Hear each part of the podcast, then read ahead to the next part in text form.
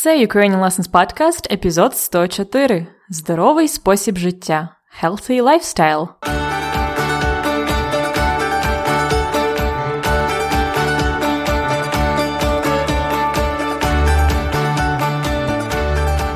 Привіт! Мене звати Анна. Я ваша вчителька української мови, і ви слухаєте мій подкаст Уроки української. Як у вас справи? У мене все чудово. Це 104-й епізод третього сезону подкасту.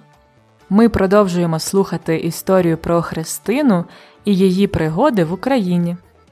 У минулому епізоді Христина ходила до лікаря, тому що вона захворіла. Лікар поставив їй діагноз грип. Сьогодні ми дізнаємось, чи одужала нарешті Христина.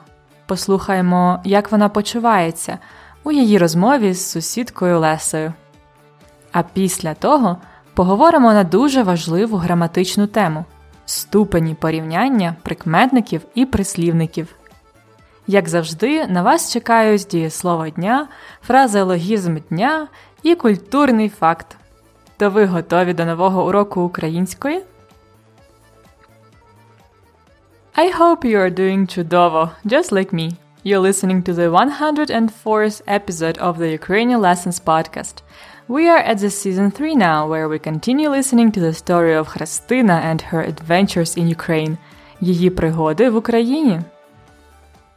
Last time in her conversation with the doctor, Христина was diagnosed with a flu.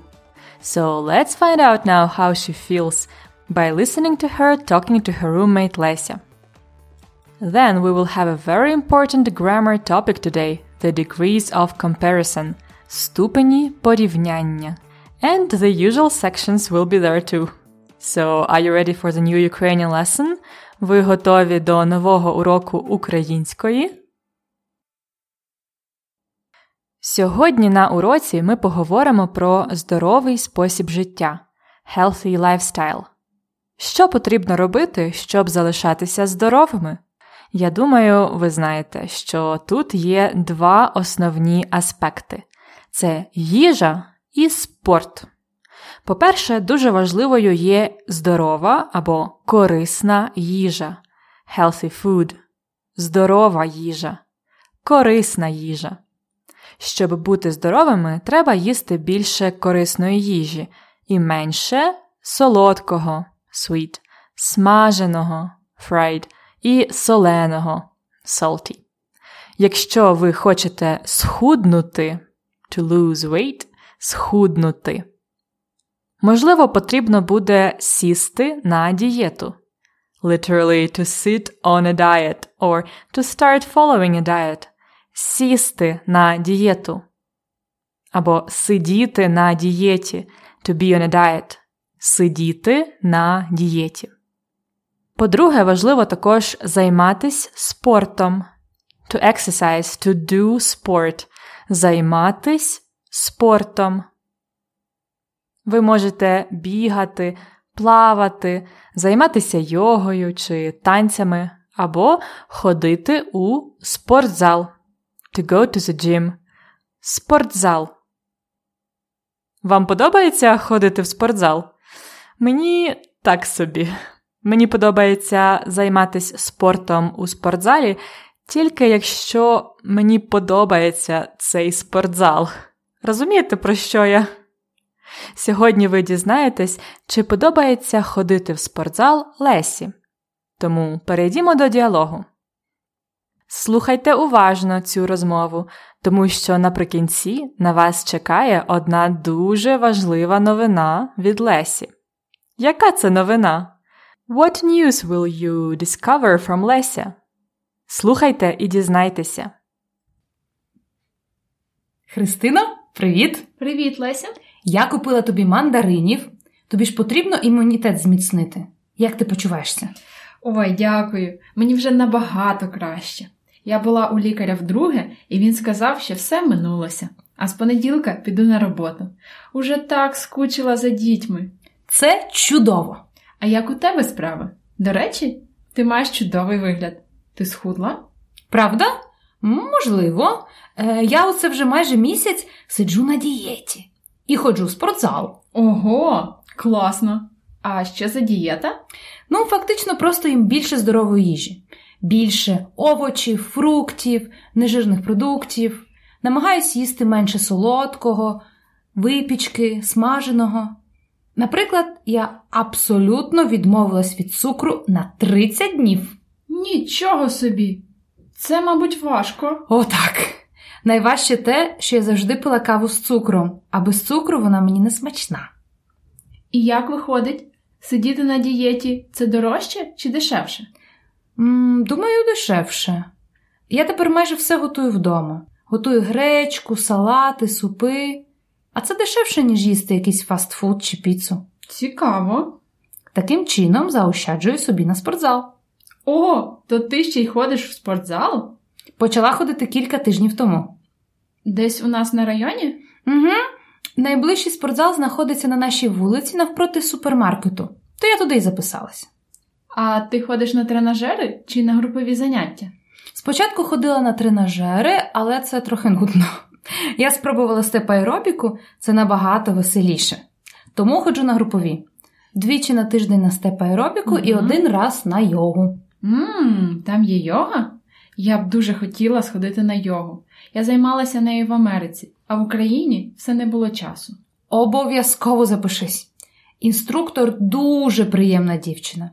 Заняття ввечері, тому зможемо ходити разом після твоєї роботи. Супер! Оце одужаю вже повністю і запишусь. Христино, мені треба ще тобі дещо розказати. Ану, а вгадай?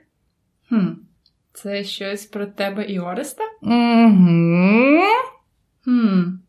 Ану, покажи свою руку. Орест тобі освідчився. Угу. Так, Вітаю! дякую. То яку важливу новину Христина дізналася від Лесі?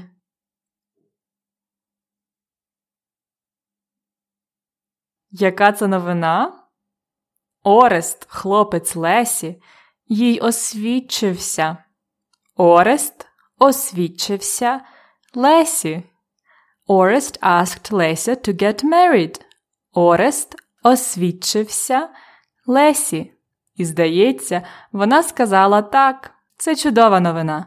І Христина дуже щаслива за свою подругу. Ми теж щасливі, правда? Чудово. А тепер перейдімо до першої частини розмови про здоровий спосіб життя. На початку діалогу Леся запитала Христину: Як ти почуваєшся? How do you feel? Як ти почуваєшся? Почуватися to feel, to feel good or bad, почуватися добре чи погано. Христина хворіла, але зараз вона вже почувається набагато краще. Much better. Усе минулося. Everything has finished. Минулося. Можливо, за допомогою Лесі Христина одужала швидше. Наприклад, Леся купила їй мандарини, щоб Христина зміцнила імунітет. Зміцнити to strengthen. Імунітет immune system. Зміцнити імунітет. Щоб зміцнити імунітет, потрібно їсти вітаміни, наприклад, вітамін С у мандаринках і апельсинках. Далі ми дізналися, що Леся також займається своїм здоров'ям. Вона схудла, вона схудла. Вже майже місяць вона сидить на дієті. Леся сидить на дієті, вона їсть більше здорової їжі і абсолютно відмовилась від цукру. She gave up on sugar. Вона відмовилась, said no, gave up від цукру. Крім того, Леся записалась у спортзал. Спочатку вона ходила на тренажери. Тренажери це такі, е, як fitness equipment. Так, тренажери. Але їй було нудно.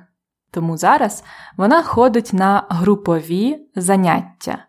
Group е, sessions, group lessons, fitness lessons. Вона ходить на степ-аеробіку і йогу. Христина теж зацікавилась йогою. Вона займалась йогою раніше, в Америці. Тому, можливо, Леся і Христина ходитимуть на йогу разом. Ну а далі в розмові ми дізналися про прекрасну новину. Орест освідчився Лесі, і скоро у них буде весілля. Хм, Можливо, тому Леся сіла на дієту і почала займатися спортом. Хм, Як ви думаєте? Цікаво. А зараз пропоную вам повторити нові слова сьогоднішнього уроку. Почуватися to feel, feel good or bad. Минутися to be finished. Зміцнити to strengthen. Імунітет immune system. Схуднути to lose weight. Здорова їжа або корисна їжа. Healthy food. Сидіти на дієті. To be on a diet. Відмовитись від. To give up on something. To say no. Тренажери. Training equipment. Освідчитись. To ask someone to marry you. Добре. А тепер послухайте розмову Христини і Лесі ще раз. Чи зрозумієте ви її тепер краще? Христино, привіт! Привіт, Леся. Я купила тобі мандаринів. Тобі ж потрібно імунітет зміцнити. Як ти почуваєшся? Ой, дякую. Мені вже набагато краще. Я була у лікаря вдруге, і він сказав, що все минулося, а з понеділка піду на роботу. Уже так скучила за дітьми. Це чудово! А як у тебе справи? До речі, ти маєш чудовий вигляд. Ти схудла? Правда?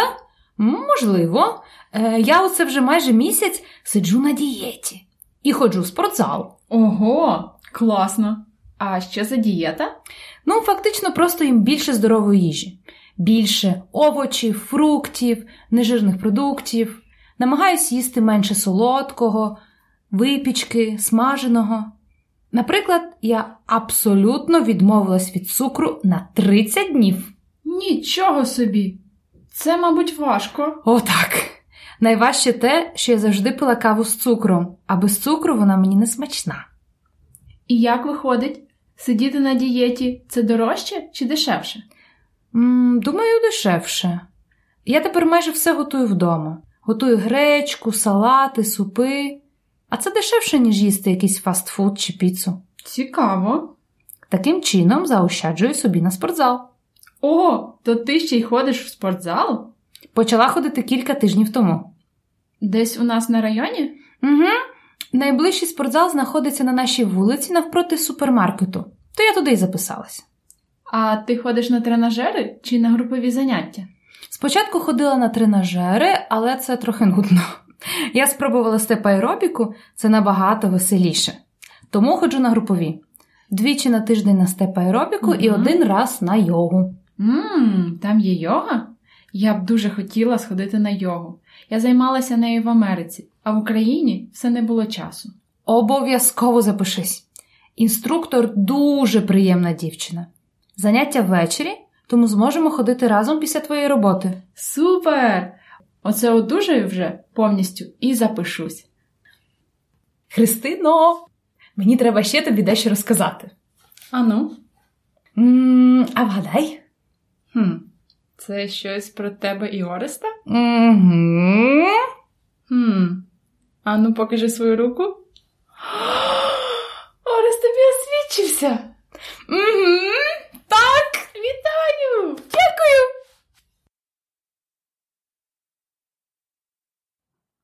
Граматична тема сьогодні це ступені порівняння прикметників і прислівників.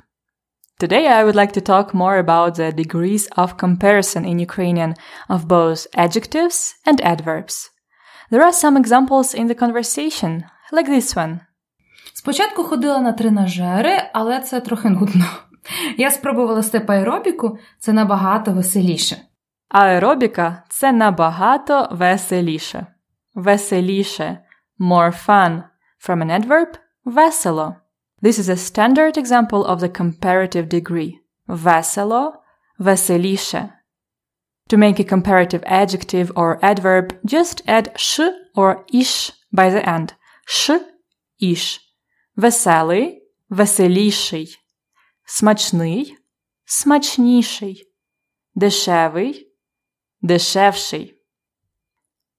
Same with the adverbs. Pay attention how they will end uh, with ще in the comparative degree. Весело, веселіше. Смачно, смачніше. Дешево, дешевше. Have a listen to one more example. І як виходить? Сидіти на дієті це дорожче чи дешевше? М, думаю, дешевше. Я тепер майже все готую вдома. Готую гречку, салати, супи. А це дешевше, ніж їсти якийсь фастфуд чи піцу. І як виходить, сидіти на дієті це дорожче чи дешевше? So how is it to be on a diet? Is it дорожче, more expensive, or дешевше, cheaper? You know already дешевше. Дорожче, more expensive, is a bit special about how it's formed. Дорогий, дорого, but дорожчий, дорожче. Ж, ч. There is a consonant change here, г to ж. Дорогий, дорожчий. And also ш that we are supposed to add to make it comparative, we change to ж. Дорогий, дорожчий. Дорожчий. The consonant changes happen in the degrees of comparison when there is h, j, z, and in combination with sh, they result with j, ch. More examples. Важкий, heavy, difficult, важчий. Важко, важче. So in pronunciation, we actually don't hear the j because it sounds like sh to us, but in spelling, we have to spell it with j, ch. Важко, важче. Близький, near, close.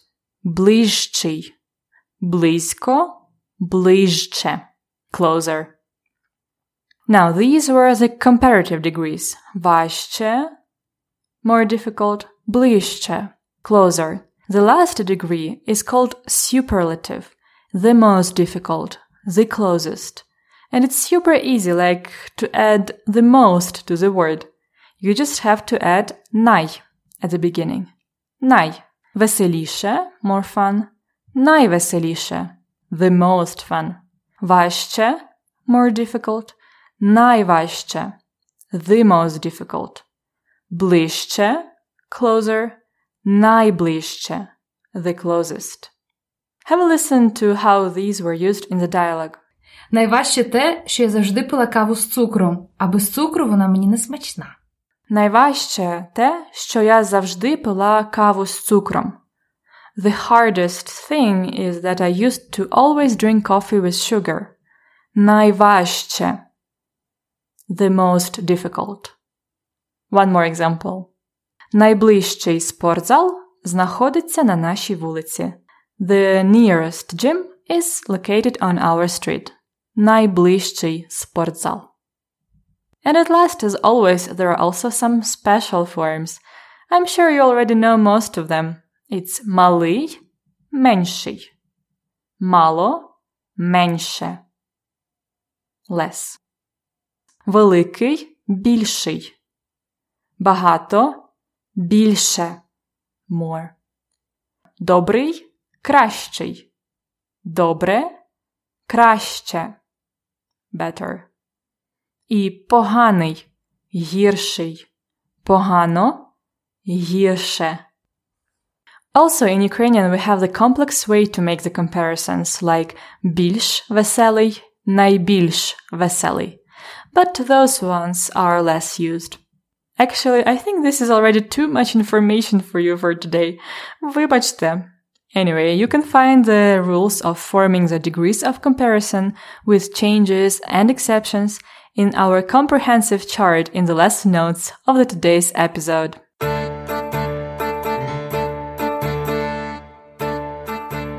Дієслово дня. Леся тепер у чудовій формі.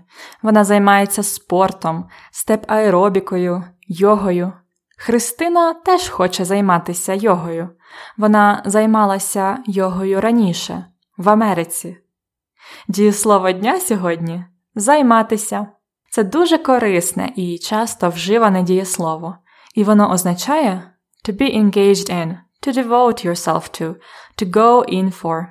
Це може бути про спорт, займатися спортом, займатися боксом, про хобі, займатися малюванням, painting, про навчання, займатися українською мовою.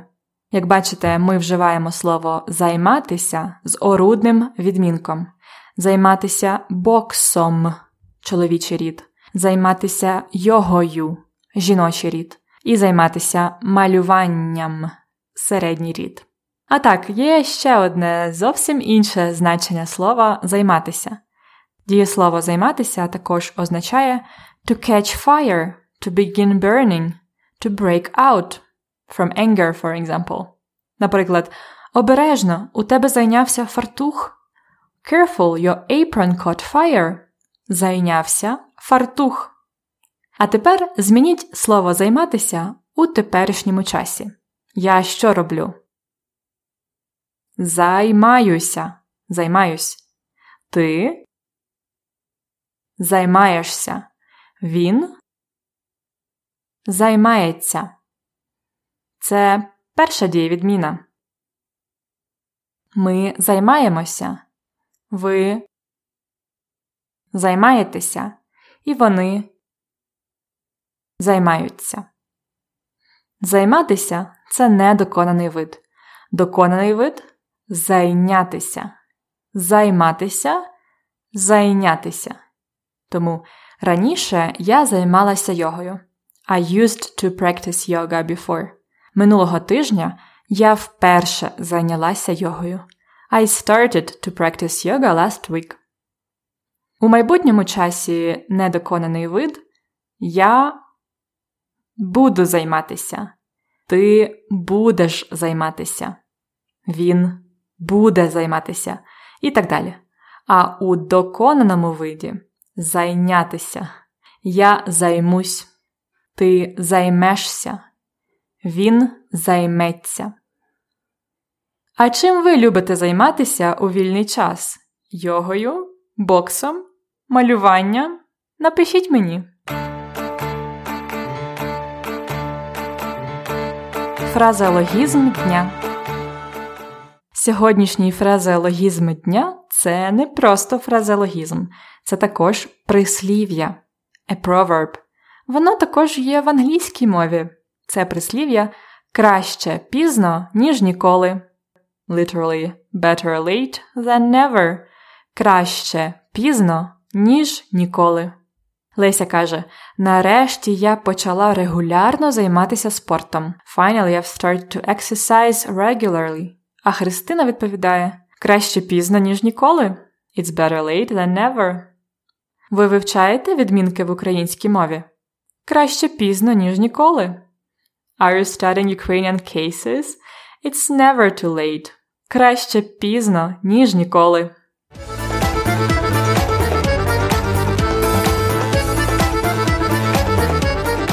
Культурний факт на подкасті.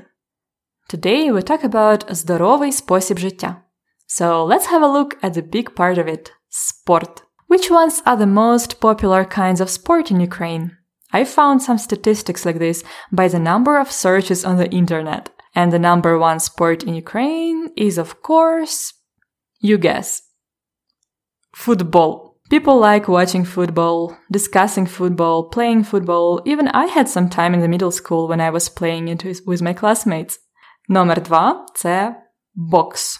This is probably thanks to our legendary boxing champions Vitaly і Володимир Кличко і Олександр Усик. I guess people are mostly watching and discussing boxing rather than doing it. Some other popular sports in Ukraine include tennis, hockey, basketball, легка атлетика, athletics, і шахи, chess.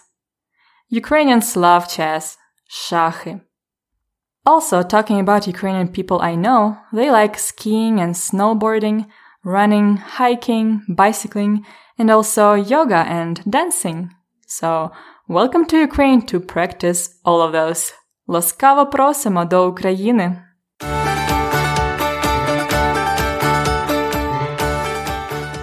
І це все на сьогодні. Наступного разу п'ятий урок теми. А отже, це буде урок повторення. Ви послухаєте голосове повідомлення Христини і зможете повторити слова і граматику, яку ми вивчали на останніх чотирьох заняттях. Make sure to check out the lesson notes of the today's episode.